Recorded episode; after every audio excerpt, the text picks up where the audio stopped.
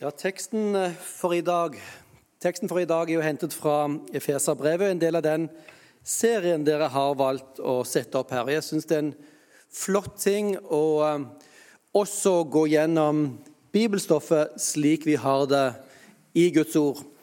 Um, og ikke kun gjøre det som vi ellers ofte gjør. Vi hopper jo fra tekst til på søndagene med veldig mye bra stoff på søndagens tekstrekker men det er også der noe vi går glipp av.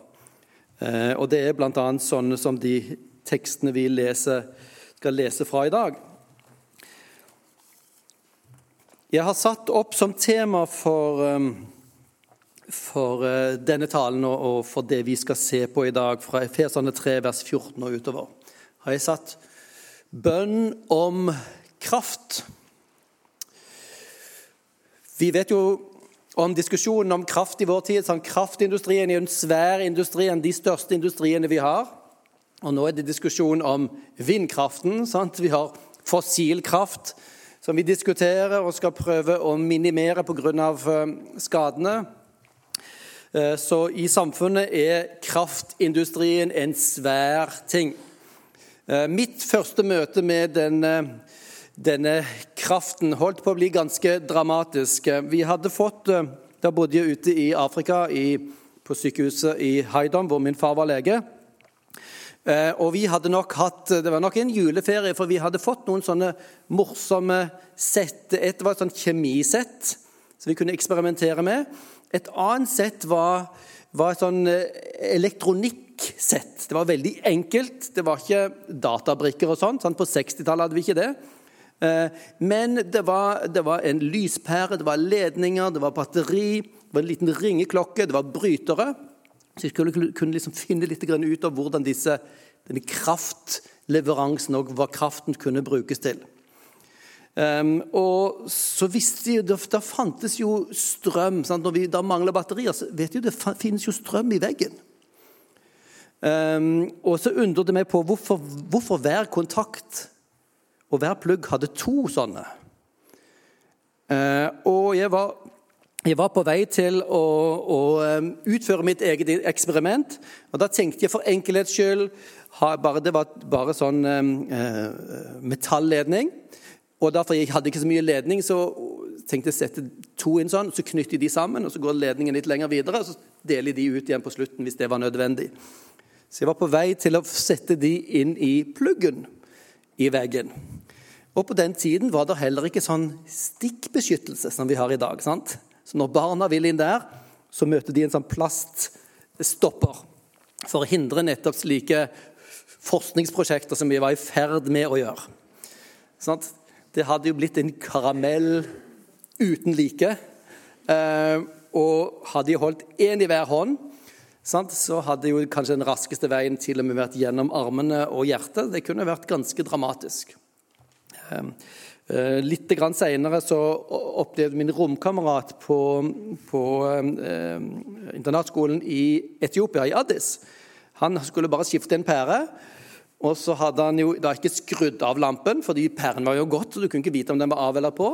Og så kom han borti eh, sokketen der, der i, i bunnen. Og da hang hele lampen på fingeren hans. Så han måtte kaste den lille lampen i veggen og fikk jo kjempebrannsår.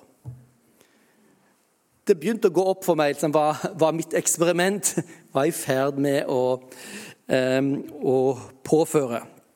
Hva, hvilke krefter som fins her. Vi aner ikke hva det er for noe. Vi ser de gjør noe, det finnes noe der. Men kraften på de og hva de kan brukes til, det har vi ikke helt forstått enda. En av, en av, de eh, kjente filmene som spiller på sånn type ja, Det er mange filmer som, som, er opptatt av dette med å ha skjulte krefter. Og tilgang til dette Supermann-filmen. ikke sant? De spesielle kreftene som man bruker for å liksom overvinne problemet og ta de slemme. Um, en av de klassikerne i filmhistorien om sånne skjulte krefter spiller på en fortelling som går helt tilbake til Platon om en ring som kan gjøre at man blir usynlig. Det er 'Ringenes herre'-bøkene og filmserien. En fantastisk fortelling skrevet av eh, en kristen forfatter. De var kjempepopulære på hippietiden, men jeg tror ikke så veldig mange fanget opp at i bunnen her ligger det veldig dype kristne røtter. Ehm, men denne ringen kan personen bruke for å gjøre seg usynlig. Og da kan han oppnå de tingene han vil. Eh, og ikke minst kan han flykte fra de mange skumle kreftene som finnes ehm, i denne filmen.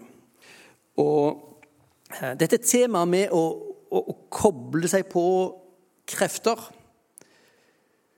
det, oss, det, kan vi jo koble til oss sjøl med spørsmålet ja, hvilken kraft er det du er kobla til? Hva er det som får deg til å stå opp om morgenen? Hva er det som hjelper deg gjennom hverdagen? Utfordringer, smerte, død og konflikter. Har du noe sted som du kan koble deg på. Og hva gjør denne kraften for deg? Noen har kristen tro bare som en slags for å lage en, en, eh, For å gjøre livet litt lettere. Men er dette noe som holder også i møte med døden og dødskreftene? Hvor langt bærer denne kraften? Og hva gjør denne kraften med deg når du bruker den? En av de Eh, en av de interessante tingene i fortellingen om 'Ringenes herre' er at denne, denne, ringen, hver gang du tar den på deg, så du, får du en sterkere dragningen til de onde kreftene. Du blir svakere og svakere for hver gang og dras mer og mer i retning av de onde kreftene som er i ferd med å overta hele verden i den, den fortellingen. Så hva gjør de kreftene du har tilgang til, hva gjør de med deg også? Så det, det er perspektivene vi kan ha med oss når vi går inn i denne her teksten. Og, og um, jeg tenker at denne, denne, teksten om kraft er litt sånn som vi sitter her og fomler med våre små ting. Skal vi prøve å koble oss på denne kraften? Skal Kanskje det vil lyse en lampe? Kanskje det skjer noe? Og så finner vi ut at ah, her er det veldig mye mer krefter enn jeg hadde trodd. Men Kristenlivet er jo av og til det å stå med en liten kopp kan kan jeg få noe for meg i mitt liv som gir meg en oppmuntring? Vi kommer bort til Gud nærmest og ber om å få bitte lite grann i en kopp. Og så, i det øyeblikket øynene åpnes, og når du leser denne teksten, sier du du står jo i en foss. Sant? Denne kraften som Gud eh, representerer, og som gir oss, det er som en svær foss som vi trenger å få øynene opp for uendelig mye større og mer enn vi forstår. La oss lese teksten ehm, fra 2011-oversettelsen eh, fra Efeserbrev kapittel 3, vers 14 til 21. Dere har jo fått et, et ark eh, som dere kan bruke. Ehm, der har jeg en, lagd en egen oversettelse inn i det som ikke samsvarer med den norske oversettelsen min oversettelse prøvd å følge litt tettere den grunnteksten, struktur og grammatikk, som hjelper oss til å se hvilke ord som er de viktigste hos Paulus, ehm, og hva de minst sekundære ordene. I, i denne i oversettelsen fra 2011 den er jo lagd for at vi lettest mulig skal fange opp og forstå stoffet. Men la oss lese den i Jesu navn. Derfor bøyer jeg mine knær for Far, Han som har gitt navn til alt som kalles far i himmel og på jord. Må Han som er så rik på herlighet, gi deres indre menneske kraft og styrke ved sin ånd. Må Kristus ved troen bo i deres hjerter, så dere er rotfestet og grunnfestet i kjærlighet må dere sammen med alle de hellige bli i stand til å fatte bredden og lengden, høyden og dybden, ja, kjenne Kristi kjærlighet, som overgår all kunnskap. Må dere bli fylt av hele Guds fylde. Han som virker i oss med sin kraft og kan gjøre uendelig mye mer enn det vi ber om og forstår. Ham være æren i Kirken og i Kristus Jesus gjennom alle slekter og evigheter. Amen. Hellige Far, hellige du oss i sannheten. Ditt ord er sannhet. Amen. Så det er tre spørsmål som jeg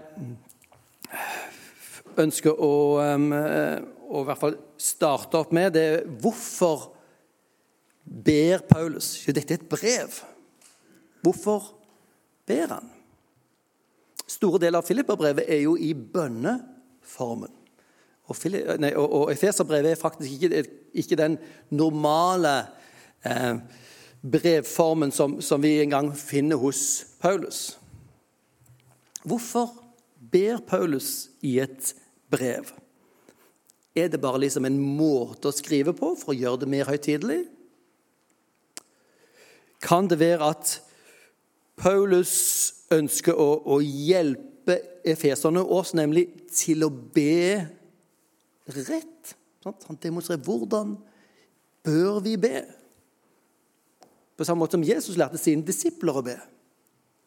Og Jeg tenker at bønn og Bibel trenger å henge nøye sammen. Vi trenger å lære Guds vilje fra Bibelen for at de skal kunne be rett. Kanskje han gjør dette som en, som en måte å demonstrere hvordan vi kan be. Og hvordan vi kanskje er litt beskjedne i vår bønn. At vi ser her trenger vi utvide perspektivet.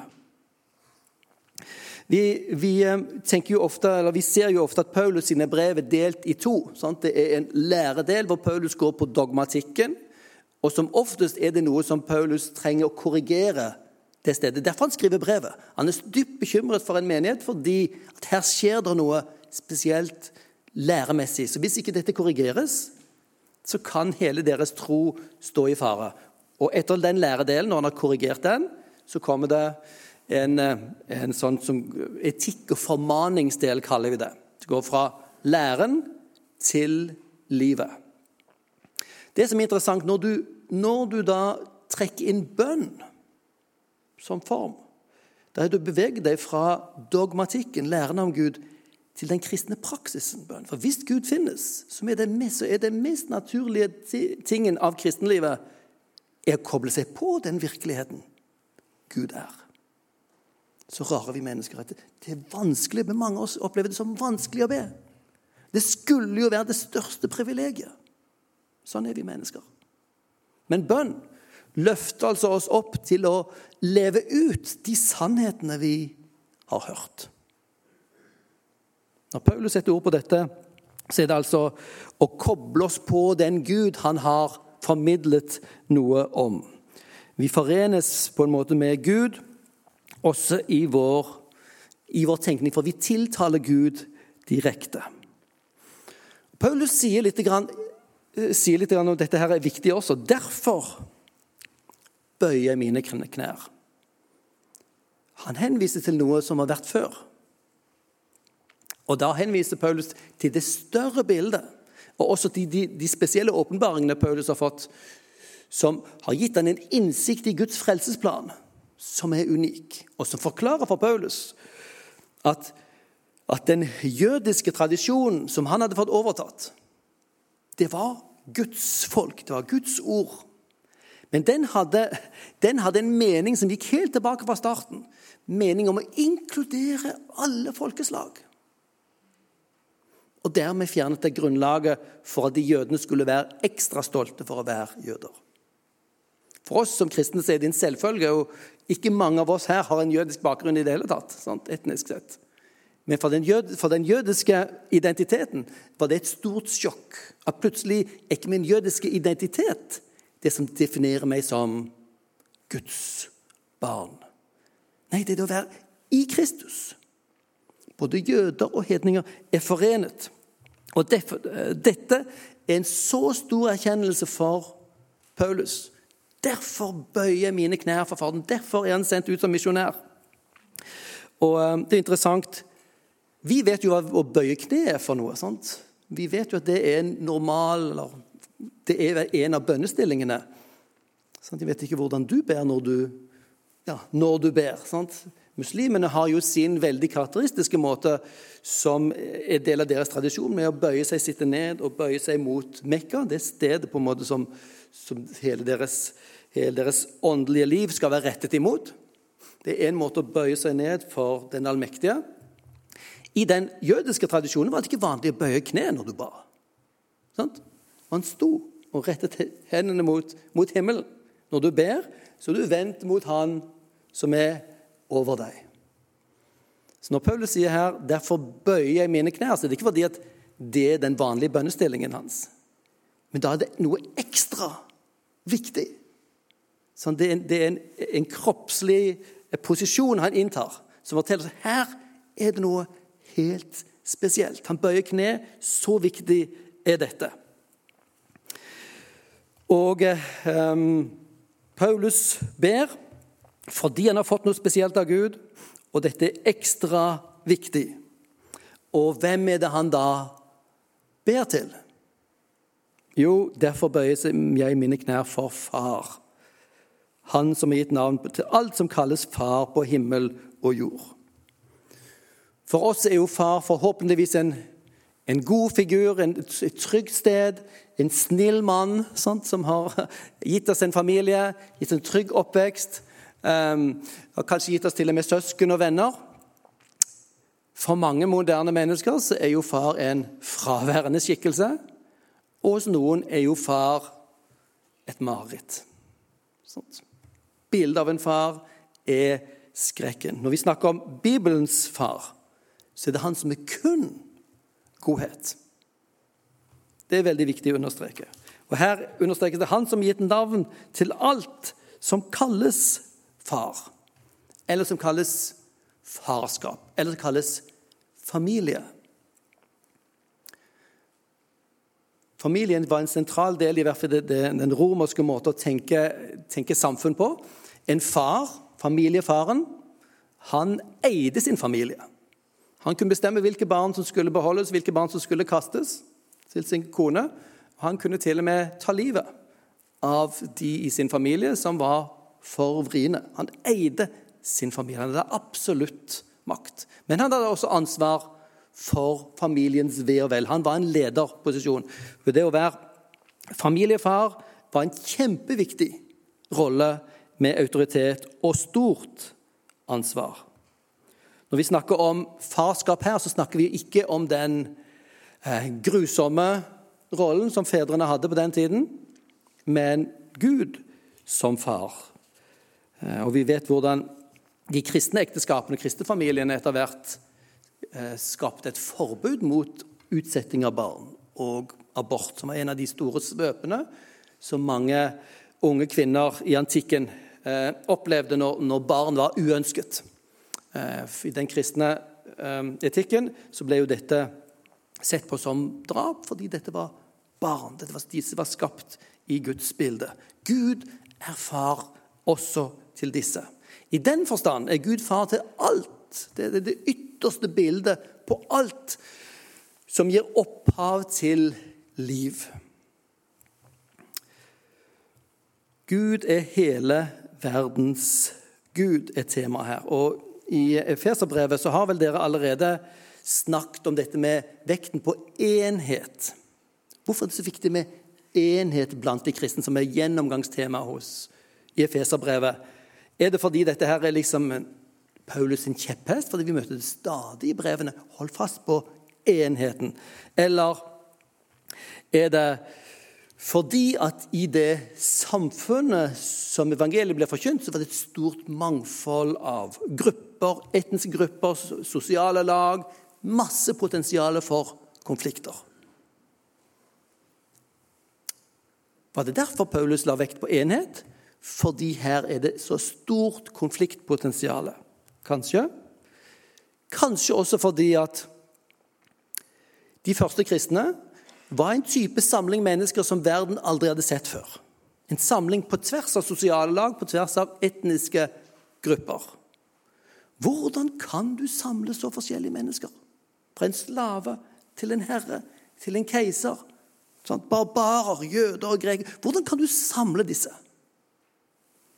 Dette er noe som verden ikke før hadde sett. En helt ny type felleshistorie. Um, um, og som faktisk den dag i dag nok gjør den kristne troen til den mest mangfoldige religion historien. Den finnes i alle kulturer, kan tilpasse alle kulturer, og samtidig vil den forvandle og utfordre alle kulturer. Kanskje han vektlegger enhet fordi han visste at dette ville trekke mennesker til kristen tro. Dette at man står sammen, tar vare på hverandre. Sant? Når du blir syk, når det skjer noe med jobben din, så er det et fellesskap der som er en ressurs for deg. Kanskje det. Men det er noe som er enda viktigere for Paulus, som er grunnlag for den kristne enheten. Det er nemlig det at Gud er én. Det fins bare én Gud. Og derfor er det viktig, og dette er en del av Guds plan. Fra starten var det bare én Gud, og mennesket levde i harmoni med han, og Så ble det en skilsmisse mellom Gud og menneskene. Og vi ble spredt utover, og det er konflikter mellom mennesker og mellom mennesker og Gud. Guds frelsesplan er å bringe alle mennesker tilbake til seg. Sånt. Dette er en del av det store mønsteret. Så du kan ikke ha to kristne religioner i sitt vesen. Det finnes bare én Gud. Og Derfor snakker jo også Paulus her om hvordan, hvordan det han eh, Eh, Guds, i, i, kapittel 2, vers 10, slik, 3, vers 10. Slik skulle hans mangfoldige visdom bli kunngjort gjennom Kirken for maktene og åndskreftene i himmelrommet. Også maktene og myndighetene, de onde åndskreftene og kulturen. Skal se, Her er det noe helt unikt. Her har Gud, er Gud i ferd med å gjennomføre sin frelsesplan, som egentlig er å bringe mennesker tilbake inn under seg. Så dette er et svært tema. Enhet er ikke bare et tema for at vi skal være snillere med hverandre. som kristne. Det trenger vi jo. Vi trenger å lære å være gode og respektfulle. Hos Paulus går dette aldri på bekostning av læren og dogmatikken.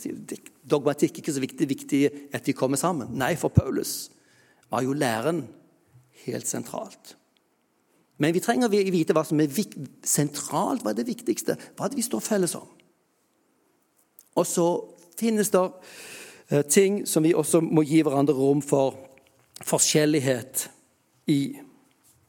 Når vi ser hva Paulus ber om, som er sentrum her Vi ser at han, ber, og han ber til Faderen, som er en del av den store frelsesplanen. Så ser vi at det er faktisk tre temaer, det er tre ting han ber om. Og Det første er kraft og styrke. Um, og dere, dere, vil kunne se dette eh, enda bedre i de, um, i de begrepene som brukes på grunnteksten.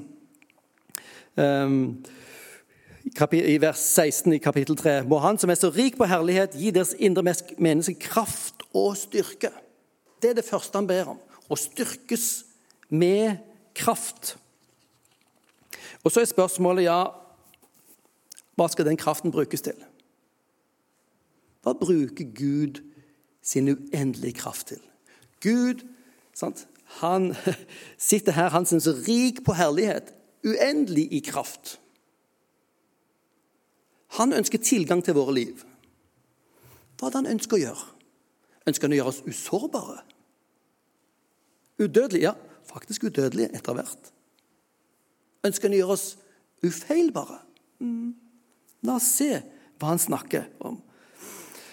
Han skal gi oss kraft og styrke ved sin ånd.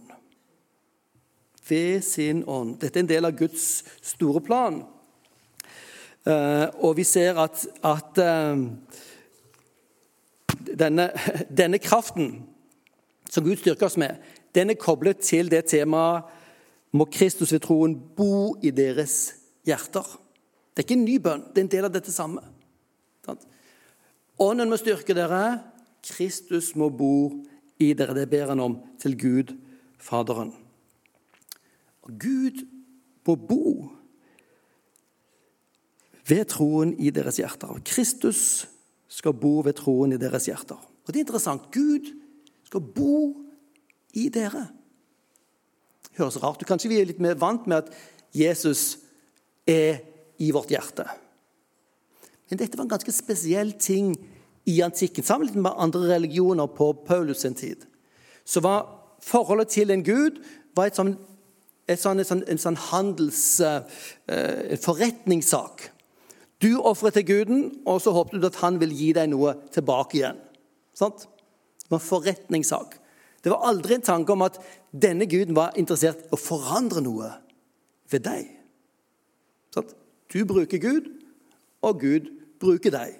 Et godt samarbeid hvor begge respekterer den andre. En er mer mektig enn den andre, men det er ikke noen urimelige krav der. I den jødiske tradisjonen som Paulus kommer fra, så møter vi et helt annet gudsbilde, nemlig en, en hellig Gud som ikke tåler synd, ikke tåler ondskap. Og dette jo, praktiserte jo eh, si, den jødiske tradisjonen gjennom ofringer, stadige ofringer, også på de årlige festene, men også daglige ting. Hvor man skaper en bevissthet om mitt liv er ikke i samsvar med den allmektige Gud. Og han har all rett til å være vred på meg, å være sint. Og kutte meg ut fra sitt folk, fra sine privilegier og sin velsignelse. Han har rett til det. Men han har gitt meg denne ordningen med at jeg kan ofre et lam. Det gir livet for meg. Det skaper en bevissthet om vår menneskelige synd og den avstanden til Gud. Gud er hellig. Du er ikke hellig. Du er en synder. Og så kommer Paulus og sier Kristus vil bo i deres hjerter. Det er akkurat som Gud skulle bo i tempelet sant? i den gamle pakt. Han ville bo der, men det måtte beskyttes av mange vegger og mange rituelle ting for at helligheten skulle bevares. Nå skjer det at Gud tar bolig blant menneskene på en unik, ny måte. Gud vil bo i hvert menneskehjerte. Og ta bolig her betyr ikke å stikke innom. Å være på overnatting. Å komme på visitt. Det betyr å ta opp permanent residens.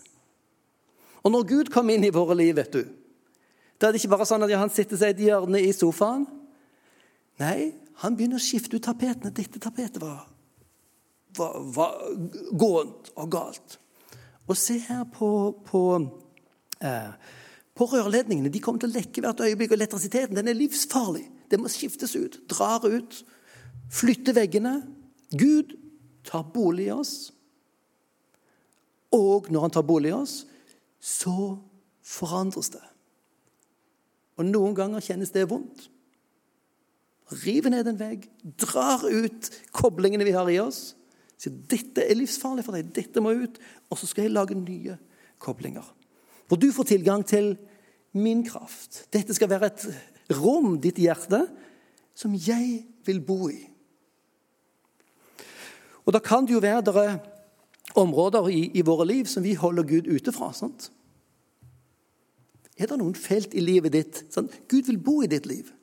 Er det noen rom hvor du låser Gud ute fra? Nei, han vil bo i hele huset. Er det soverommet?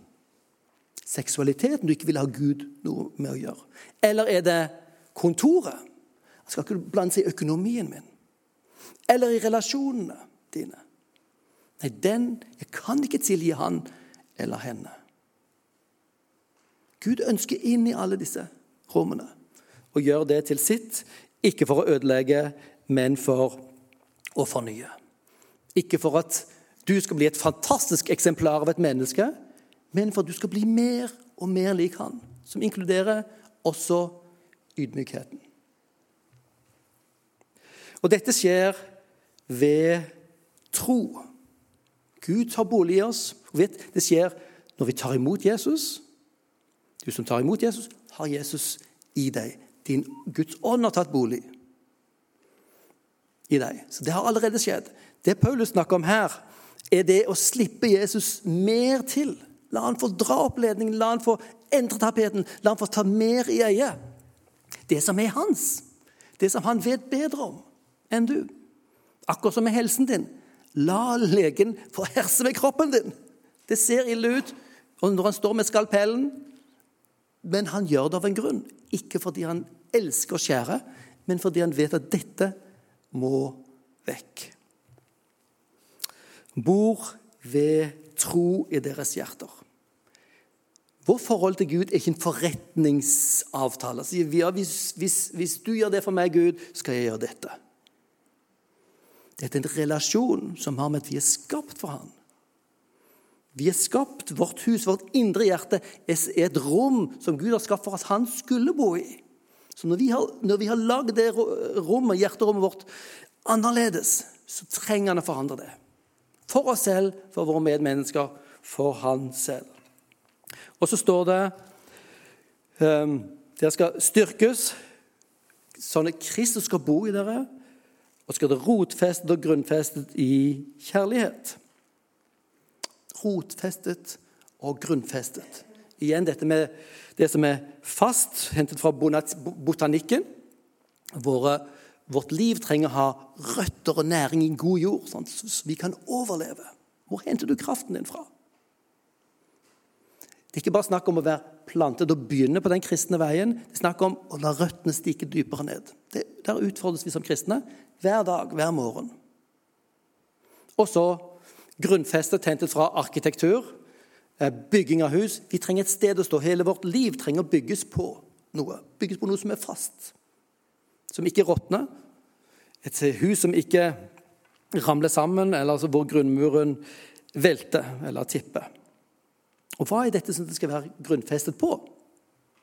Igjen kunne vi tenkt ja, det er nok sannsynligvis dogmatikken med treenigheten, ikke sant? Guds frelsesplan Her er det ganske mange ting som er fundamentet. Dere har kanskje lært liksom, om søndagsskoletroen, ikke sant? som skal være fundamentet for troen deres. Hva er det Paulus sier her, er fundamentet? Interessant. Det er Kristi kjærlighet. Det er det som hvor røttene våre skal være plantet ned i.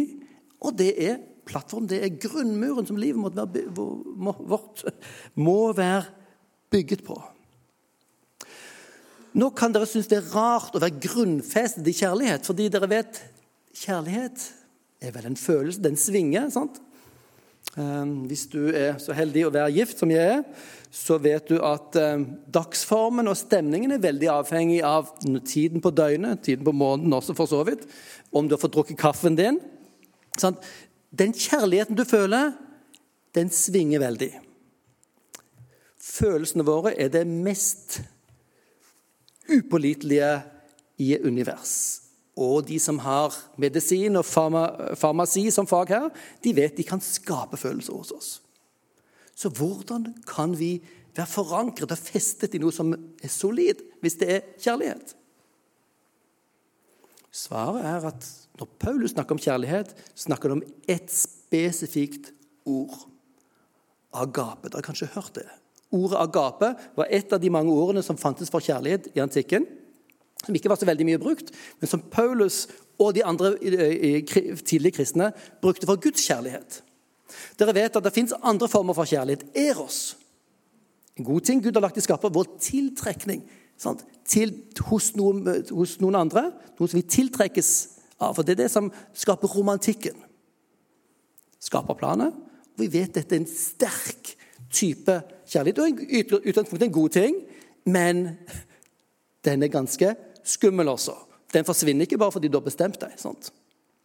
Så Derfor eh, avbilder man ofte Eros, guden Eros med en liten, en liten, uh, liten gud. Sånn, barneskikkelse som har en pil og bue. Sant? Man vet aldri når man blir truffet av denne kjærligheten. Kjærligheten er uransakelig. Du, du, du kan ikke forutse den. Hvordan kan du bygge noen ting på en sånn type kjærlighet? Paulus snakker ikke om sånn type kjærlighet som, som, som, vokser fram fordi han ser noe attraktivt i den andre. Det er ikke det at Gud syns øynene våre er så vakre. Se så søte de menneskene. Og jeg elsker de. Du når du ser på dine egne barn, så blir du helt forelsket i dem. Nå har vi nettopp fått vårt tredje barnebarn. Um, Og jo mer du ser på dem, jo mer blir du emosjonelt knyttet til dem. Det er ditt eget. Det fins et eget ord for det på gresk, som heter storge. Vi har samme blodsbånd. Veldig, veldig sterkt. Men det er det fordi vi er like. Og de som ikke hører til i vår familie, de har du ikke de samme følelsene til. og de er ikke forventet heller. Og så er det tredje ord for kjærlighet. Det er filia. Filosofi. Kjærlighet til visdom. Det er vennekjærligheten. De du er glad i fordi dere har felles interesser. Dere er liksom litt like. Dere vil eh, henge sammen, sier ungdommen i dag. Vi syns det er greit å være sammen. Derfor er vi venner. Det er en form for kjærlighet. Men de er alltid avhengig av noe hos den andre. Agape ikke avhengig av noen ting hos den andre. Den er en viljeshandling som har sitt utspring i Gud fordi han elsker. Så når det står om kjærligheten er større enn alt, så er det ikke følelsen av kjærlighet. Første Korinterbrev kapittel 13 er leggen en lang liste om kampen mot følelsene. For kjærligheten. Kjærligheten er ikke uren, hold ikke på det onde, er ikke bitter. Ja, men Det er det følelsene skaper. Guds kjærlighet er fast fordi Gud har elsket oss med en evig kjærlighet som ikke avhenger av at vi ser vakre ut, rene, er gode. Den kjærligheten er det eneste fundamentet for oss som vi kan bygge livene våre på. Ikke at vi har fått det til. Ikke at vi er gode kristne. Og Det kan også være noe vi har røttene nedi. For Gud er opptatt av at vi skal ta hans kjærlighet og dele den med andre. Ikke fordi vi liker andre mennesker, men fordi vi vet han elsker dem. Og vi vet de er vårt ansvar. Våre medmennesker, vår familie og også de som vi syns er vanskelige. Guds kjærlighet driver oss. Det er ikke følelsen som driver oss. Det er Guds kjærlighet som driver oss. Det skal også være våre røtter. Og hva er det um, Det, er den, det ene er den kraften som Paulus ber om. Kristus skal bo i oss, og vi skal være forankret. Det er det kraften er til for. Kristus, som er en del av guddommen, bor i oss. Og så skal vi forankre i det han er, nemlig kjærlighet. Og så er det tredje elementet fra um, Det andre elementet um, må dere sammen med alle de hellige bli i stand til å fatte bredden, lengden, høyden og dybden i å kjenne Kristi kjærlighet. Hvordan skal vi gripe noe av denne kraften? Hvordan skal dette leves ut? Jo, det å kjenne Kristi kjærlighet. Det er ikke ritualer. Det er heller ikke å bli et bedre menneske, selv om Gud ønsker vi skal bli det. Men det er å kjenne Han som har kalt oss. Gud er ikke bare en som syns mennesker er interessante. Nei, han som kom til oss, ble menneske, ble flyktning, ble fremmed. Og til slutt døde som en slave, skammelig på et kors. Den typen kjærlighet er det vi ønsker, Gud ønsker vi skal gripe og forstå. Fordi Én ting er å ha hørt det, men hvor ønsker vi skal gripe det og fatte det. Og det må vi jobbe med. Det må vi mentalt jobbe med. Det er ikke skjedd når du blir kristen. Det er ikke skjedd akkurat nå når du tenker på det. Men han, Paulus, ønsker um, at den kraften vi har fra Gud, den skal åpne oss til å ville gripe mer denne kjærligheten. Denne Kristi kjærlighet. Ikke bare ha den på en formel, men kjenne den. Sånn, jeg vet ikke om dere liker disse programmene om, om eh, disse her uh, The Perfect Storm og sånne storm chasers, sånne som er på jakt etter tornadoer. Sant? Ser veldig spennende ut. Um, en ting er å sette på film, en helt annen ting er å stå i stormen. En ting er å vite om Guds kjærlighet. Ja, han elsker oss. Endelig kjærlighet ga sin sønn. En annen ting er å dra den inn. Ja, det er for meg. At du selv eksponerer deg for den kjærligheten. Det er noe vi gjør hele livet. Det er vi ikke ferdig med. Og så står det her også 'sammen med alle de hellige'. Du kan ikke gjøre dette alene, nemlig. Guds kjærlighet er ikke noe som du bare opplever alene over Bibelen i bønn.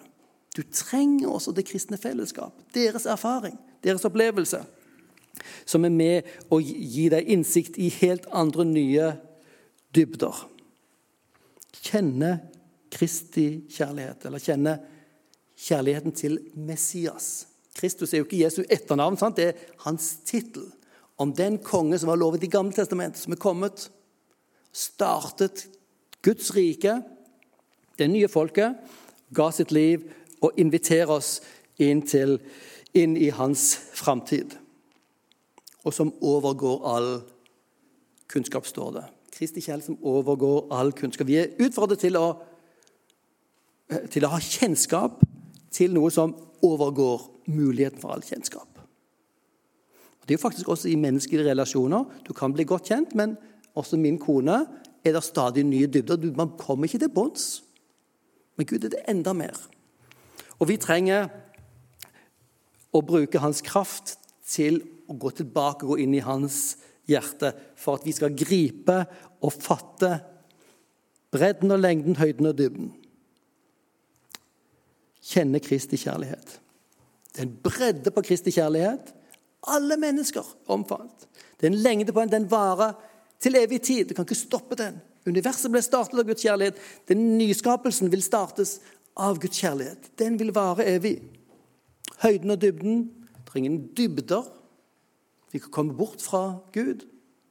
Gud vil bøye seg ned til det dypeste og løfte oss opp. Vi kan ikke komme så langt bort fra Gud at vi er utilgjengelige for Han. Og høyder. Han er den som kan trekke oss til den levende Gud. Relasjon til Han. Dette høres jo ganske umulig ut. Disse tre bønnene, hvor den ene, den første, er å gi oss kraft. Og den andre å gjøre oss stand til å gripe. Og den tredje bønnen er å fylles av Guds fylde. Må dere bli fylt av Guds fylde. Det er tredje bønnen. Det er som en slags, som en slags trapp, det der som Først er det at kraften. men kjenner Kristus herlighet. Ja, hele Guds fylde. Det, da står vi i fossen. Sånt med våre små kopper fylles over. Gud ønsker å være der i livet. Ubegrenset med krefter, og de kreftene de kommer i form av hans ustoppelige kjærlighet.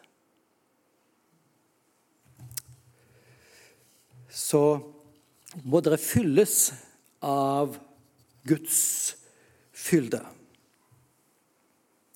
Utfordring til oss i dag. For det første hvor er kraftkilden din? Vi alle henter kraft et eller annet sted. Er det i oss selv? Er det i vår viktighet for andre, vår jobb, hva vi eier? Er det berømmelse? Så vi, vi prøver å finne et sted som, som, eh, som kan gi oss følelsen av viktighet og bety noe. Hvor er din kraftkilde? Hva gjør denne kraften med deg?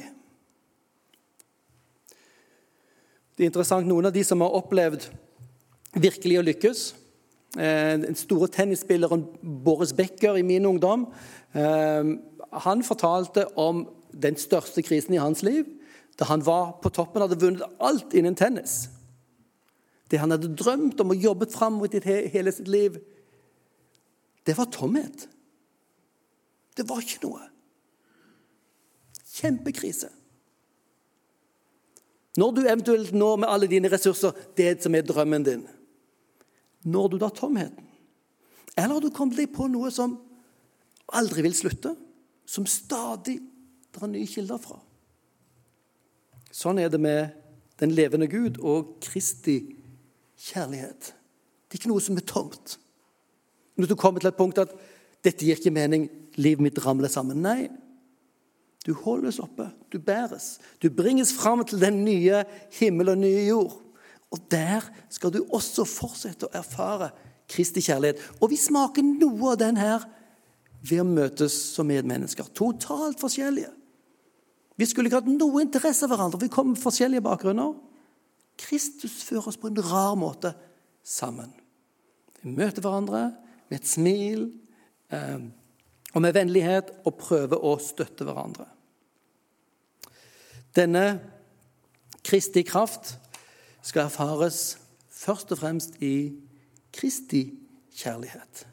Med andre ord er ikke den kristne kraften og denne, denne fossen vi står i, bare noe som en slags energi for å gjøre oss viktigere eller gjøre livet mer spennende. Nei, det får gjøre oss mer til det vi var skapt til. Nemlig å kunne elske Gud, elske våre medmennesker. Det er det denne verden trenger.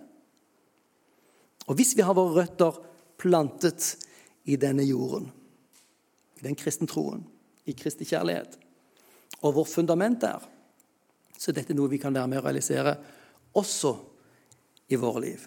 En liten smak av det her, og så skal vi stå i fossen en gang og høre det store koret og kjenne det fellesskapet mellom alle kristne gjennom alle tider og fra alle nasjoner en dag. Det er den store visjonen vi er kalt til. Kristi kjærlighet erfares. Så inviteres du inn i denne fossen igjen. Ta til deg. Og så kan du bare til deg, ta til deg munnfuller om gangen. Men du skal ikke bare stå langt unna. Ta til deg dette, sånn at du kan ta din slurk og så dele med de andre. La oss be. Vi takker deg, himmelske Far, for din ufattelige godhet og for din kraft. Den kraften du vil gi oss, og så viser du at den kraften er en type energi som ikke er bare nøytral eller skummel, men det er din kjærlighet. Din forvandlende kjærlighet som vil inn i våre liv, og som en gang vil også fornye universet. Hjelp oss til å bruke din kraft også til å gripe mer av hvem du er, hvem de, hva din kjærlighet er, og hva du ønsker med våre liv, våre fellesskap. Amen.